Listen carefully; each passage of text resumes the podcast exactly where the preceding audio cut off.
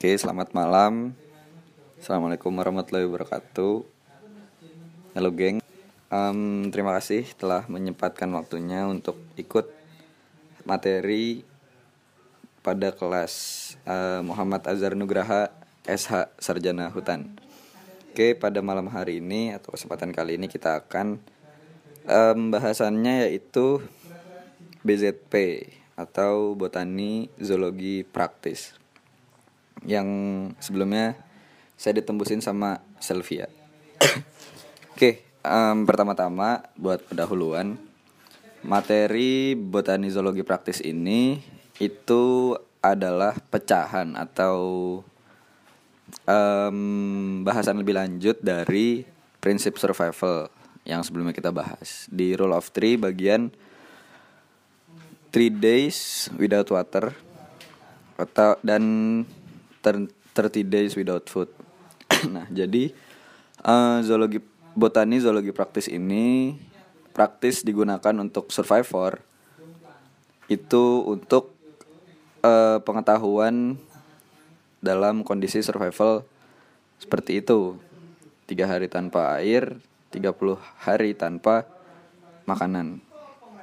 Jadi dengan pengetahuan BZP atau botani zoologi praktis diharapkan survival survivor, survivor dapat em, improvisasi di lapangan untuk mengatasi kondisi survival yang mana batas maksimalnya sudah kita ketahui sebelumnya. Nah, eh, materi BZP ini kan sebelumnya sebenarnya sudah disampaikan juga. Eh, udah belum ya? Yang waktu itu sama Ewik pokoknya. Terus akhirnya tak kasih PR. Tapi itu hanya bagian botani dari dari botani zoologi itu. Nah, pada malam hari ini eh karena materi botani zoologi praktis ini masih jadi subbab apa submateri yang cakupannya luas, besar.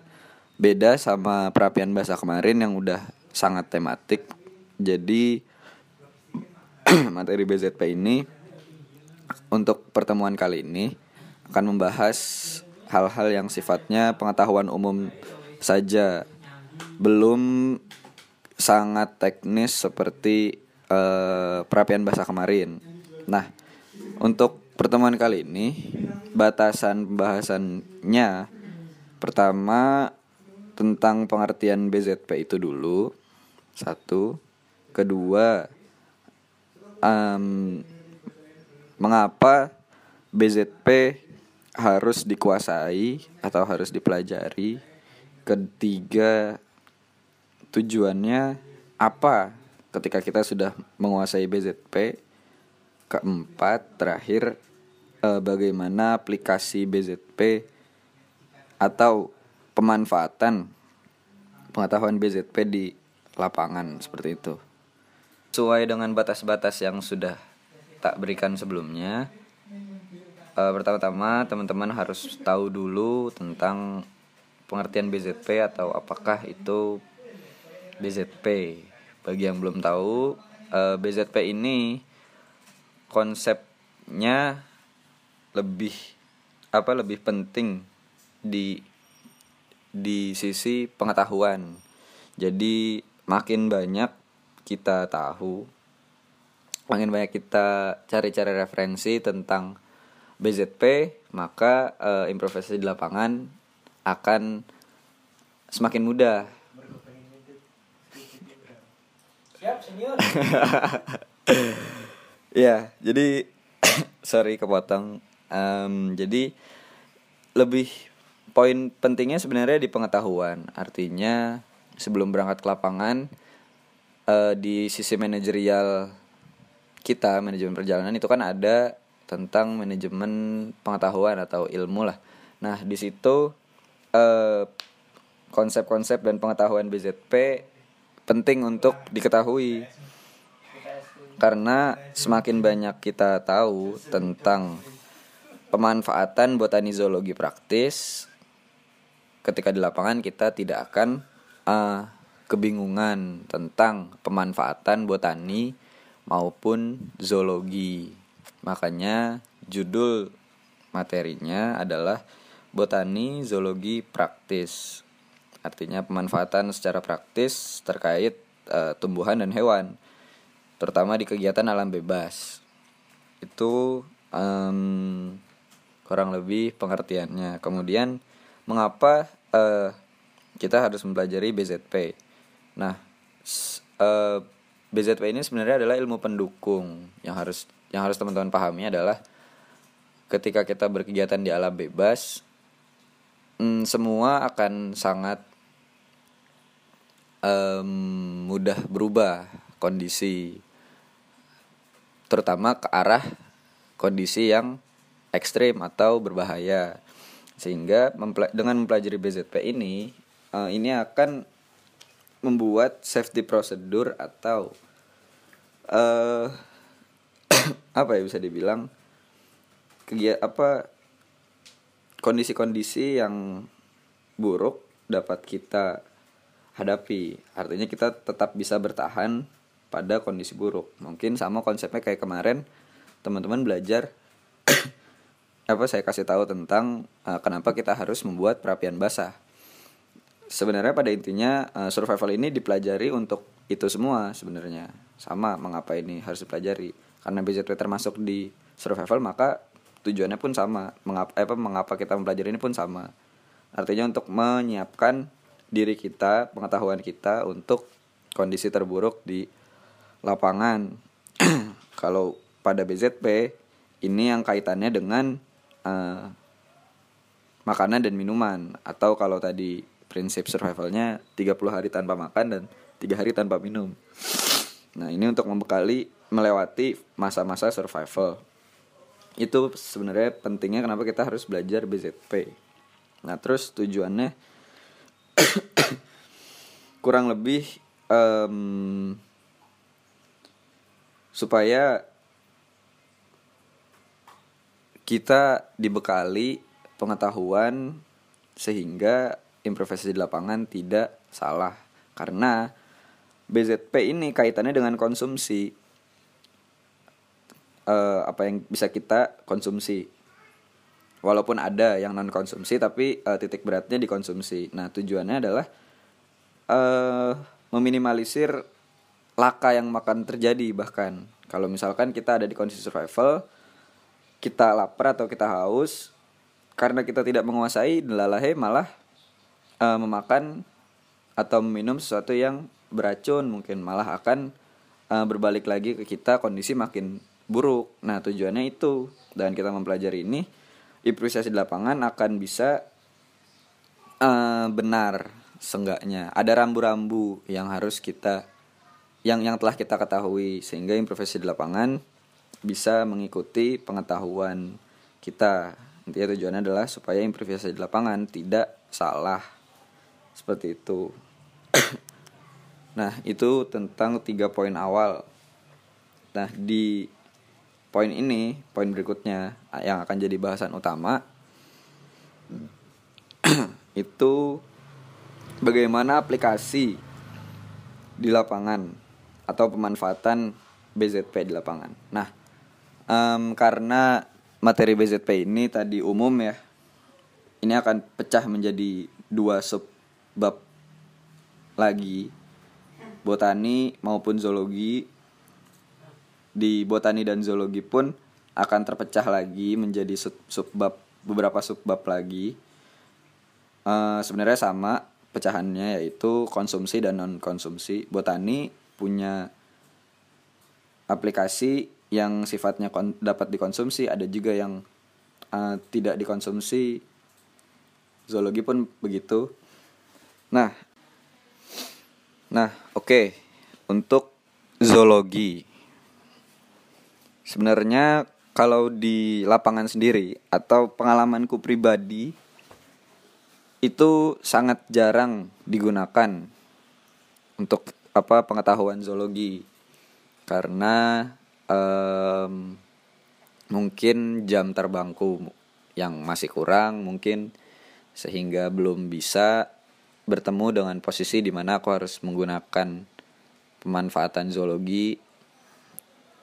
Cuman nggak apa-apa, ini sharing aja. Beberapa hal yang udah pernah aku pelajarin sebelumnya tentang zoologi. Nah, pertama tak jelasin dulu tentang zoologi ini. Seperti yang aku bilang sebelumnya ini kita bagi dua secara praktis kita bagi dua dulu tentang pembahasannya satu konsumsi atau uh, pemanfaatnya dalam pemanfaatannya dalam bentuk dikonsumsi yang kedua non konsumsi atau pemanfaatannya yang sifatnya tidak kita konsumsi tapi kita manfaatkan Nah, pertama yang non konsumsi dulu. Eh, eh apa? Ini dulu apa namanya? Pengetahuan dasarnya dulu.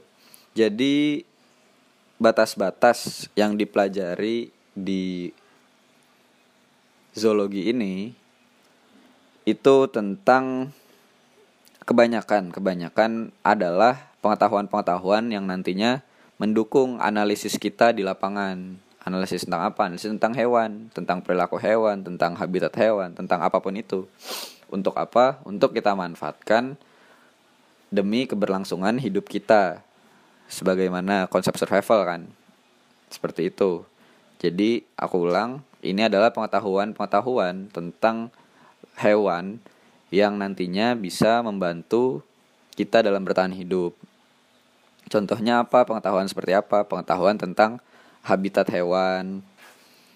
Simpelnya seperti uh, hewan uh, terdapat di bagian gunung sebelah mana, misal berdasarkan ketinggian.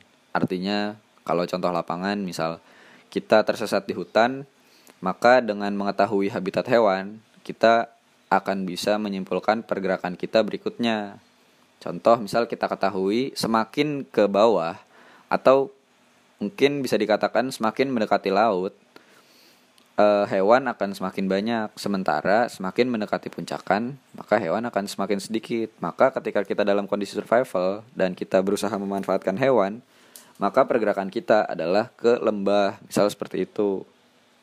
Seperti itu yang konsep dasarnya. Lebih lanjut lagi seperti nanti ada bahasan uh, hewan ini ada di ketinggian berapa. Kemudian ketika kita melihat jejak hewan ini kita bisa menentukan uh, ketinggian kita ada di level berapa itu nanti fungsinya buat nafdar. Misal ini akan nyambung dengan materi HG lainnya. Itu contohnya habitat hewan seperti itu. Dua tentang perilaku hewan. Nah dari perilaku hewan uh, ini juga akan membantu kita menganalisis keadaan atau menganalisis medan.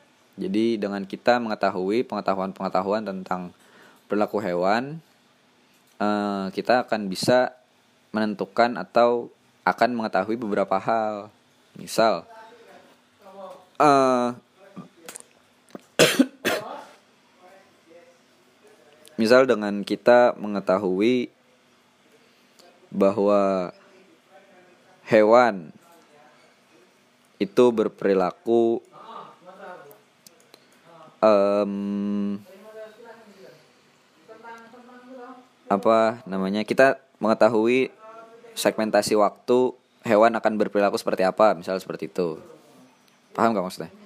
Kayak waktu waktu-waktu ini hewan akan berperilaku galak misal oh berarti tandanya musim kawin. Atau uh, kita memperhatikan gerak hibernasi hibernasi lah tuh. Apa ya hibernasi mungkin ya. Burung. Maka kita bisa menentukan uh, burung berpindah dari daerah yang dingin ke daerah yang panas. Kita bisa mengikuti bahwa berarti uh, arah sana lebih proper untuk hidup misal seperti itu. Nah itu perilaku perilaku yang dimaksud uh, hewan apa namanya yang yang dimaksud untuk kita ketahui aplikasinya di lapangan nanti bisa menyesuaikan. Nah perilaku perilaku yang seperti itu. Nah terus uh, dari perilaku hewan juga mungkin kita bisa menentukan beberapa hal seperti uh, jejak hewan memakan sesuatu. Kita bisa menyimpulkan bahwa ini bisa dimakan misal seperti itu. Atau mungkin sebaliknya di ilmu botani.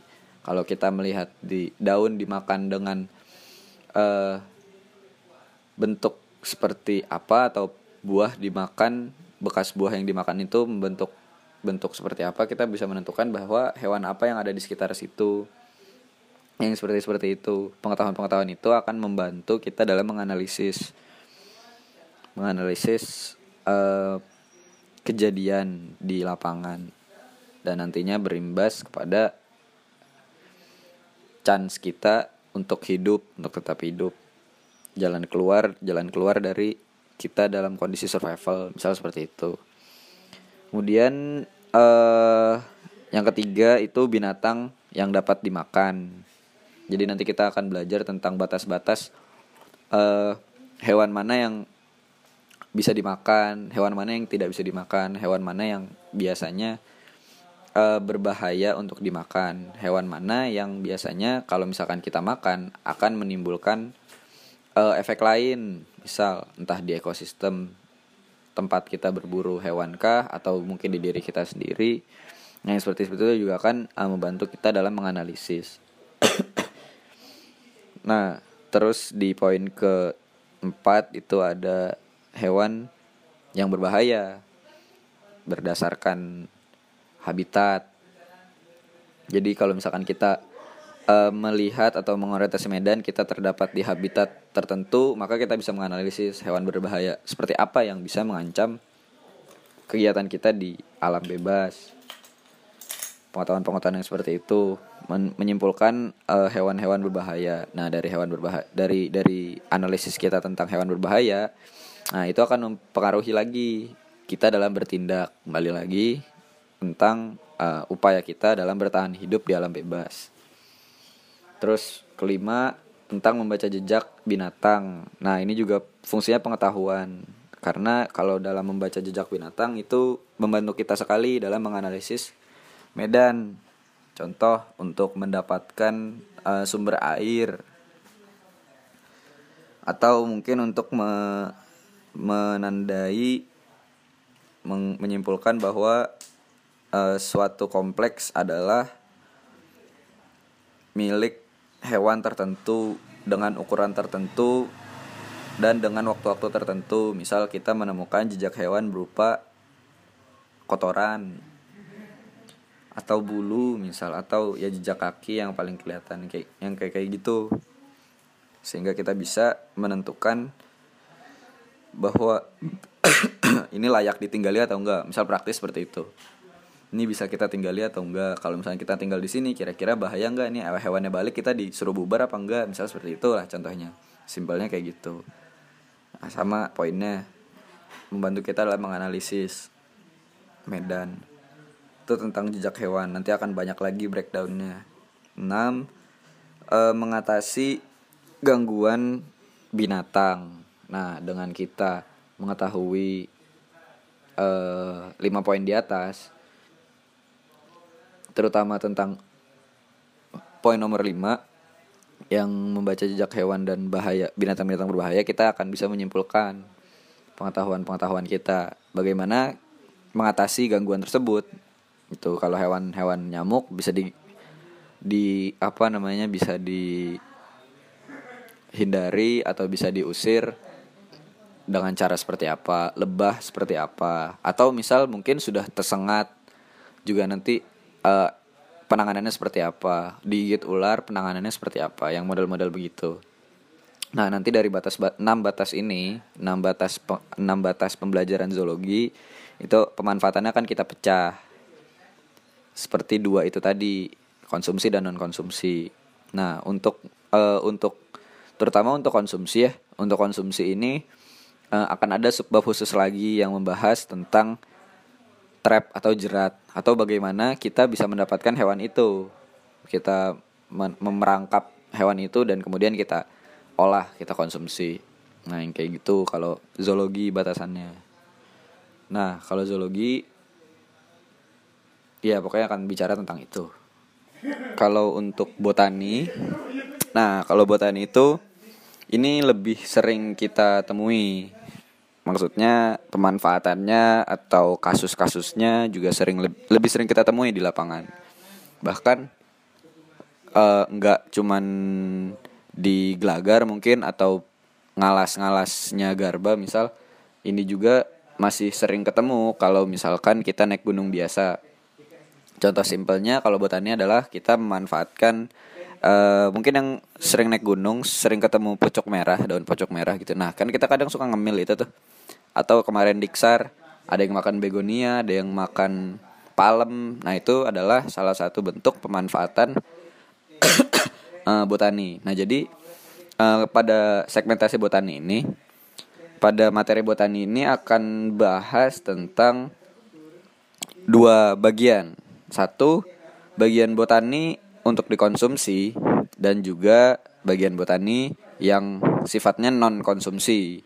Nah, kalau misalkan konsumsi, nanti kita akan bahas banyak di uh, batasannya adalah identifikasi. Identifikasi tumbuhan. Apakah tumbuhan ini bisa dikonsumsi atau tidak? Akan ada langkah-langkahnya seperti uh, utamakan yang kita ketahui kemudian diidentifikasi secara visual dilanjut ke uh, indera lang indera penciuman setelah itu dilanjut ke indera peraba kita terus terakhir baru dikonsumsi atau di indera perasa kita. Nah, kalau untuk konsumsi nanti akan bahas uh, tentang itu. Kalau yang di non konsumsi nanti akan uh, saya berikan pengetahuan tentang uh, pemanfaatan-pemanfaatan lain dari botani seperti sebagai perapian, kemudian sebagai alat masak, bisa juga sebagai alat bangunan kita bivak, atau sebagai alat komplementer lain kayak gitu. Nanti akan kita bahas uh, batasan-batasannya seperti itu. Pokoknya nanti kalau yang di sini di botani maupun zoologi itu nanti ini uh, akan sangat me tergantung dengan pengetahuan dan kreativitas kita dalam pemanfaatan. Karena seperti itu pemanfaatan kan uh, dasarnya emang dua itu. Satu ya pengetahuan kita sejauh mana. Kedua kreativitas kita bisa memanfaatkan sebanyak uh, sebagaimana. Nah nanti akan bahasannya seperti itu kalau yang di botani. Yang utama dari botani balik lagi kalau yang buat konsumsi itu uh, pengetahuan tentang tumbuhan yang bisa dikonsumsi. Makanya poin itu ada di poin nomor satu dalam identifikasi itu kan bisa dilihat tuh di peta konsepnya. Botani kita bagi dua segmentasinya ada konsumsi dan non konsumsi di konsumsi nanti akan bahas banyak tentang identifikasi. Nah yang menempati posisi satu adalah utamakan yang bisa diketahui. Nah jadi semakin banyak kita tahu akan semakin banyak juga yang bisa kita praktekkan di lapangan jadi kita nggak perlu identifikasi di lapangan untuk mengetahui bahwa itu bisa dimakan atau enggak. Cuman kalau misalkan delalahnya enggak, nggak tahu apa-apa misal, uh, bisa dilakukan langkah identifikasi. Yang paling enggak ada empat langkah yang udah tak sebut di VN sebelumnya, yaitu um, pertama secara visual, kedua penciuman, ketiga peraba, ketiga pengecap atau perasa.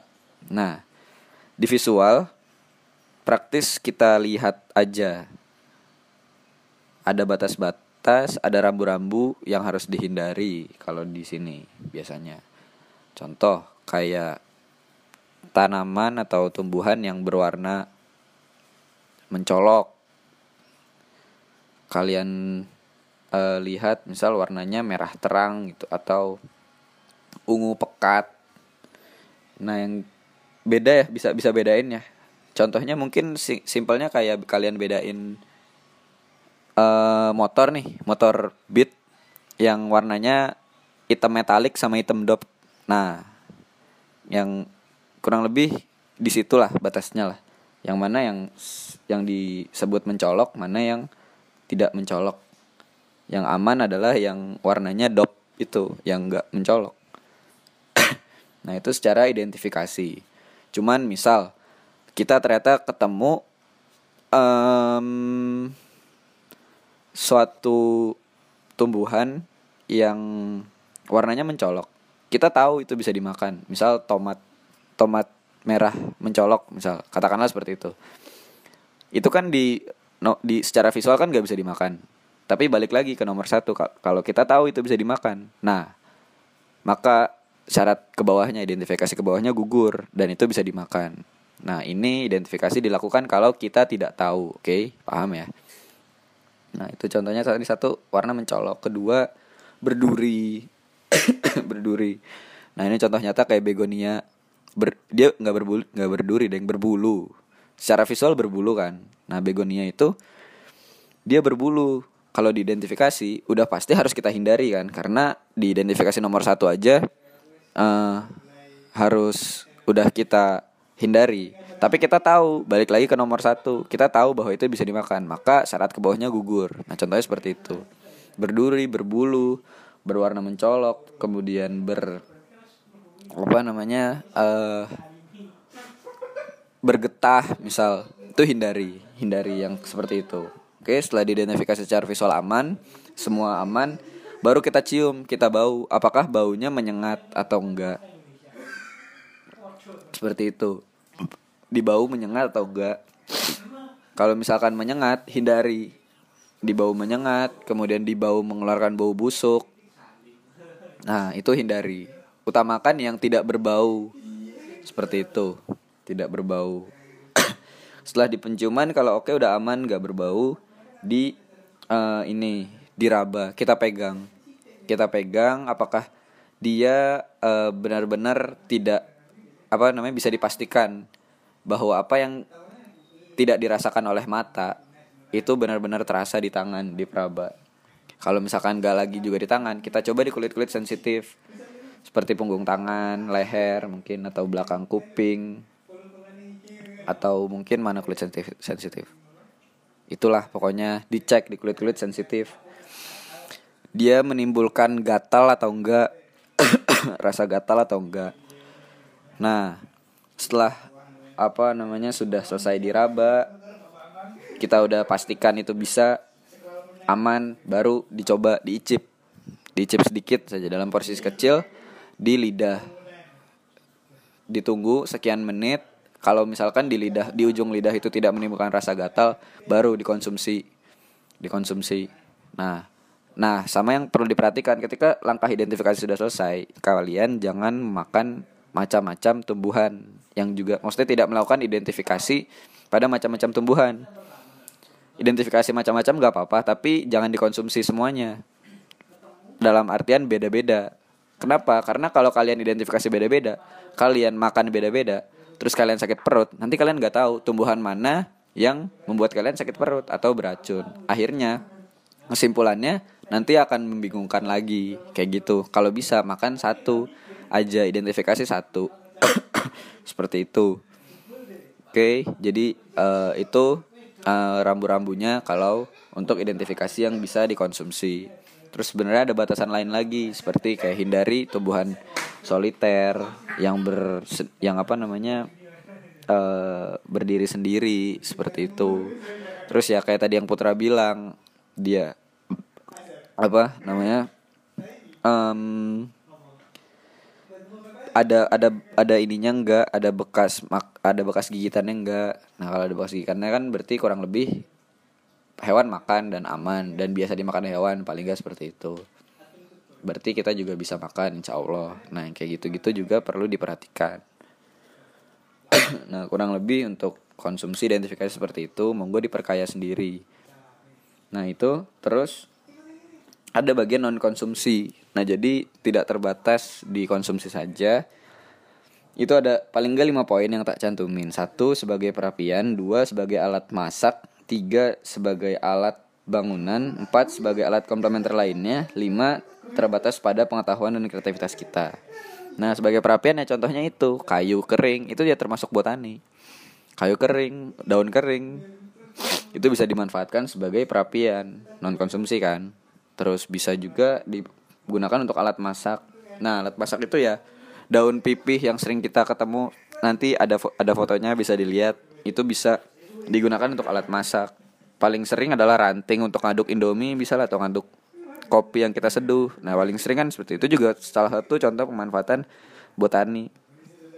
Nah terus juga ada yang bisa menjadi obat obat luar misal yang tidak dikonsumsi daun-daun tertentu yang bisa uh, menghilangkan memar atau daun tertentu yang kalau dikompres bisa uh, meredakan demam. Daun tertentu yang kalau dikompres bisa menjadi anti anti racun misal seperti itu. Nah itu berdasarkan lagi balik ke mana ke pengetahuan. Terus alat komplementer lainnya seperti kayak getah damar dan getah pinus itu bisa kita manfaatkan sebagai sabun atau pengusir uh, pengusir serangga karena baunya yang menyengat. Yang seperti itu. Bisa juga buat pemantik api. Karena sifatnya mirip karet atau plastik yang terbakar terus. Yang kayak gitu. Nah terus terakhir poin kelima terbatas pada pengetahuan dan kreativitas masing-masing. Nah makanya makin banyak pengetahuan kita uh, improvisasi di lapangan bisa semakin kreatif. Nah makanya di poin ini atau poin keseluruhan BZP yang paling dituntut itu adalah pengetahuan.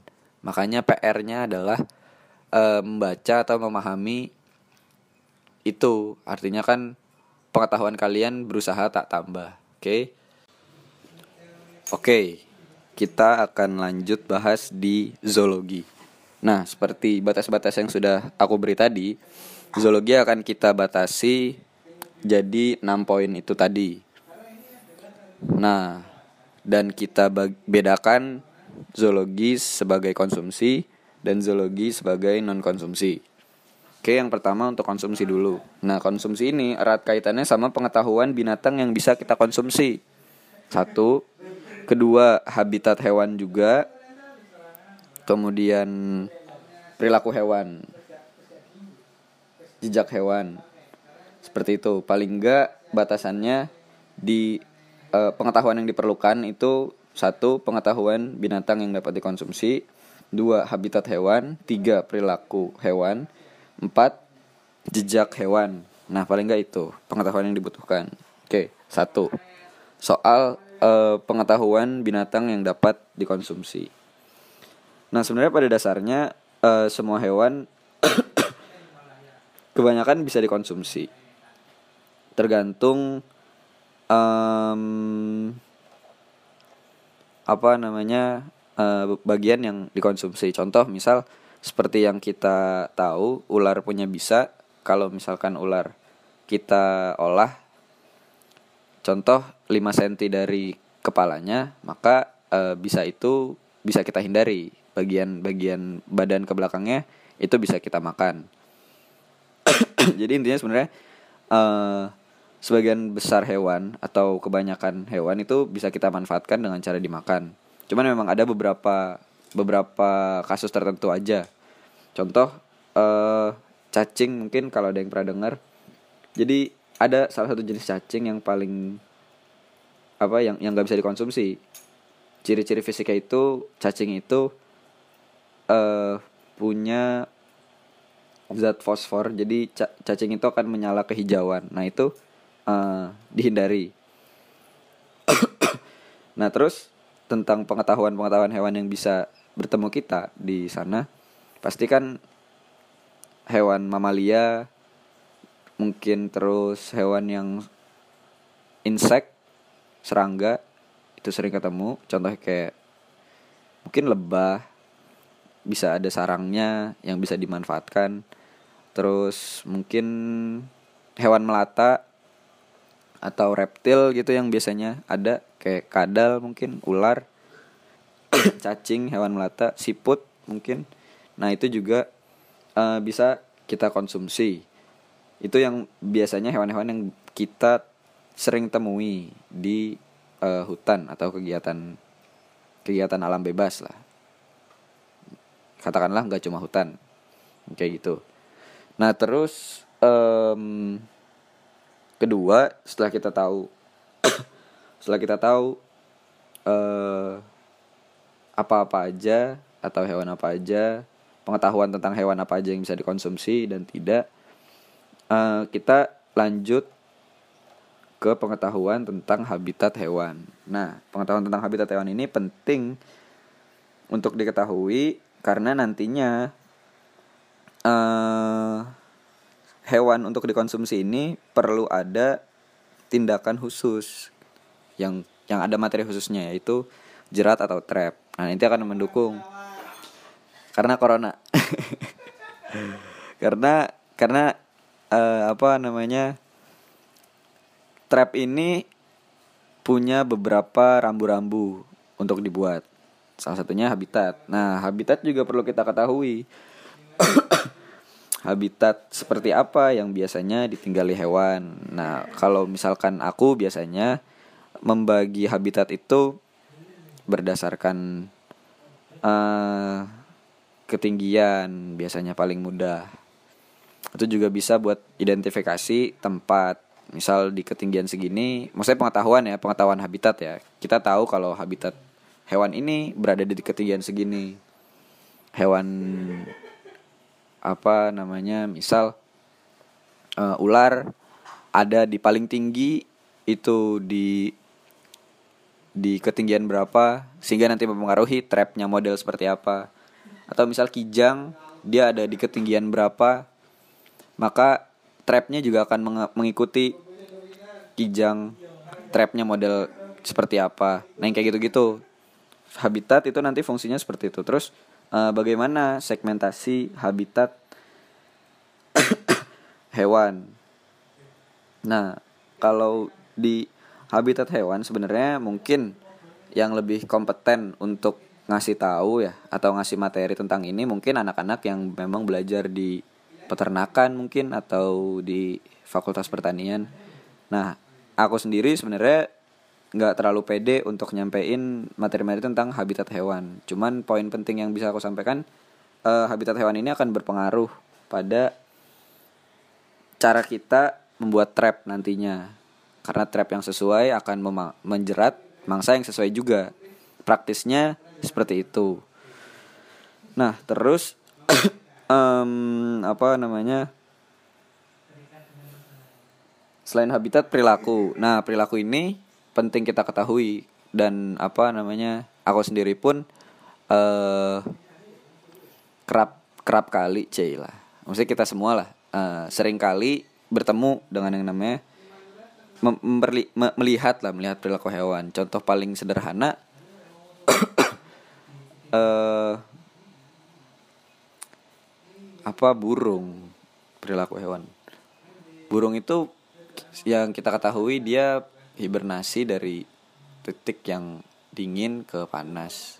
Atau mungkin kalau buat yang sering dengar ya eh, hewan-hewan akan turun kalau misal uh, di gunung ada aktivitas vulkanik. Nah itu contoh nyata perilaku hewan. Nah perilaku hewan juga uh, kalau aku menganggapnya praktis untuk trap juga Artinya trapnya nanti akan aku sesuaikan dengan perilaku hewan. Dengan kita mengetahui perilaku hewan, kita akan tahu hewan uh, akan melewati trap kita dengan model seperti apa. Paling simple adalah dalam kita menentukan uh, pemilihan bahan di trap dan memilih uh, pembentukan trap. Contoh nyata, kita tahu perilaku hewan babi itu dia uh, punya tenaga kuat misal. Dan seringnya berkeliaran pada malam hari perilaku hewan nih. Berkeliaran pada malam hari. Maka kita jangan pasang trap malam-malam misal. Kita jangan pasang trap uh, yang dari ranting-ranting atau pemilihan talinya pakai tali rafia. Jangan. Karena kita tahu perilaku hewan itu dia bergerak malam dan kuat jangan sampai trap kita nanti malah akan dihindari. Kalau misalnya kita masak malam misal. Babi tahu nanti di situ ada pergerakan manusia sebelumnya. Atau mungkin bau kita akan tertinggal di situ. Kedua uh, pemilihannya. Kalau kita pakai rafia kita tahu babi kuat. Yang ada dia udah ketangkep misal. Putus. Kita akan pilih tali yang lebih kuat lagi. Contoh seperti itu. Dan dan apa namanya improvisasinya juga lebih tepat. Misal tadi itu kita sam apa namanya kita ikatkan ke pohon bat batang pohon kayu yang kuat supaya nanti kalau udah kejerat eh, bahan utama jerat kita nggak ikut ke bawah. Seperti itu. Kaitannya kita eh, bahas perilaku. Nah jadi perilaku perilaku seperti itu juga penting kita pelajari. Ini contoh nyata eh, perilaku babi atau mungkin eh, perilaku lainnya monggo dicari sendiri. Aku sendiri aku pribadi mengakui literasiku di bidang ini kurang banyak. Sehingga aku belum bisa sharing banyak tentang perilaku em, hewan. Cuman perilaku perilaku umum hewan yang aku ketahui ya yang seperti itu. Akan turun lembah pada saat malam, misal contoh seperti itu, akan membutuhkan air di waktu-waktu tertentu, akan berburu di waktu-waktu tertentu, akan berpisah dengan rombongan ketika dia harus cari makan untuk anaknya di musim kawin, misal seperti itu. Akan ada di eh, apa namanya di sarang dalam bentuk sendiri gitu, soliter atau komunal atau beramai-ramai. Nah, yang kayak gitu-gitu adalah perilaku hewan yang eh, sempat tak pelajari. Terus lanjut em, ke jejak binatang. Nah, kalau jejak binatang ini praktis kita gunakan untuk kita menangkap dia lah. Dengan jejak binatang seperti ini, trapnya akan seperti apa? Trapnya ada apa aja? Nah, terus coba diingat-ingat, pernah nggak kalau ngalas ketemu jejak-jejak tuh? Jejak tuh nggak hanya cuma jejak kaki, ada juga jejak kotoran, ada jejak bulu, ada jejak eh, rumah tinggal. Yang aku tahu tuh babi tuh tinggal di semak yang mana atasnya semak bawahnya bersih. Itu kalau itu aku pernah ketemu langsung juga. Nah terus untuk habitat em, ular mungkin dia akan sering ada di bawah akar pohon dan akan bergerak pada malam hari. Terus kayak habitat burung mungkin dia akan ya cuman sekedar seliweran terbang sesekali mencari eh, pohon-pohon yang berbuah kayak gitu-gitu. Nah pokoknya pemanfaatannya nanti praktis untuk kita menangkap. Nah nantinya jebolan dari konsumsi ini kita akan mempelajari setelah pengetahuan tentang konsumsi kita akan belajar tentang bagaimana menangkap hewan-hewan itu untuk dikonsumsi. Nah kurang lebih kayak gitu